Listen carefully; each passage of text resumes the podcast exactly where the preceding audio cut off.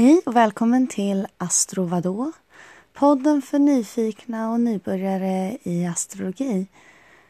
Jag heter Amy och idag ska jag prata lite grann om våra sociala planeter. Och jag tänkte börja med Mars faktiskt. Um, när jag säger sociala planeter um, då syftar jag till faktumet att uh, de här tre planeterna som kommer komma i de närmsta avsnitten, inklusive det här, är energier som får oss att eh, fokusera mer på hur vi hanterar vår omgivning. Jag sa lite i de tidigare avsnitten om de personliga planeterna, alltså solen, månen, Merkurius och Venus att eh, det är främst för att de går rätt så fort genom zodiaken. Men eh, det, det är också att eh, de personliga planeterna är väldigt mycket inre arbete och eh, eh energier som vi riktar inåt mot oss själva till viss del. Medan de här sociala planeterna, de är mer... Eh, det är klart att det sker inre arbete, men det är också hur vi förhåller oss till vår omgivning på ett helt annat sätt. Så Mars då. Mars, eh, dess symbol ser ut som eh, symbolet för maskulinitet, som en ring med en liten pil upp till sidan. Eh, den, eh, den går runt zodiaken eh, under kortare tid än ett år, 200 någonting dagar går den runt zodiaken. Och eh, Mars är kopplad ihop med eh, guden eh, som är eh, krigsguden. Ares eller Mars då beroende på om det är grekisk eller romersk mytologi.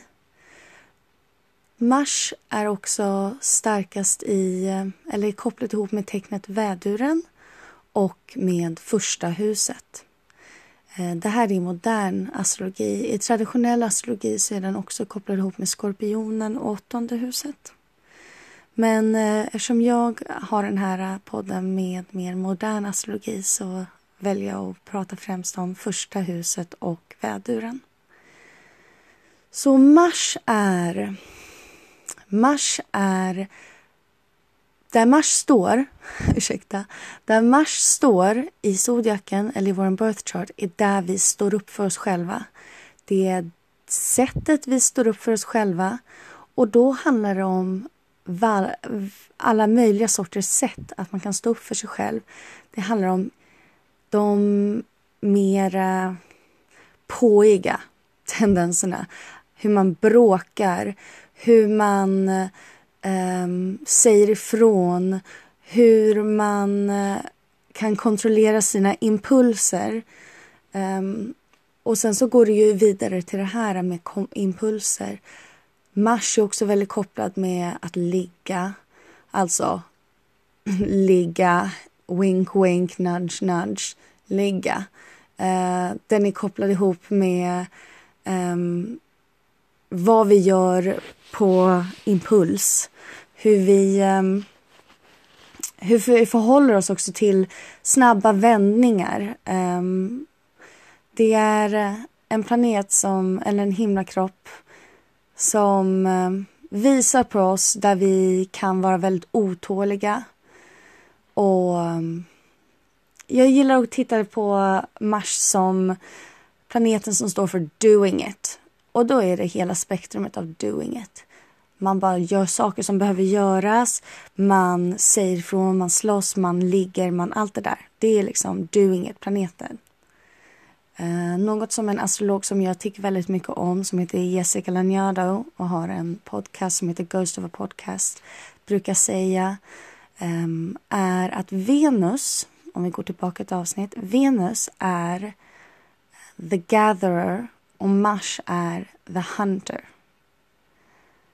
Så smaka på det, känn på det. Jo, Mars är då den som tar för sig.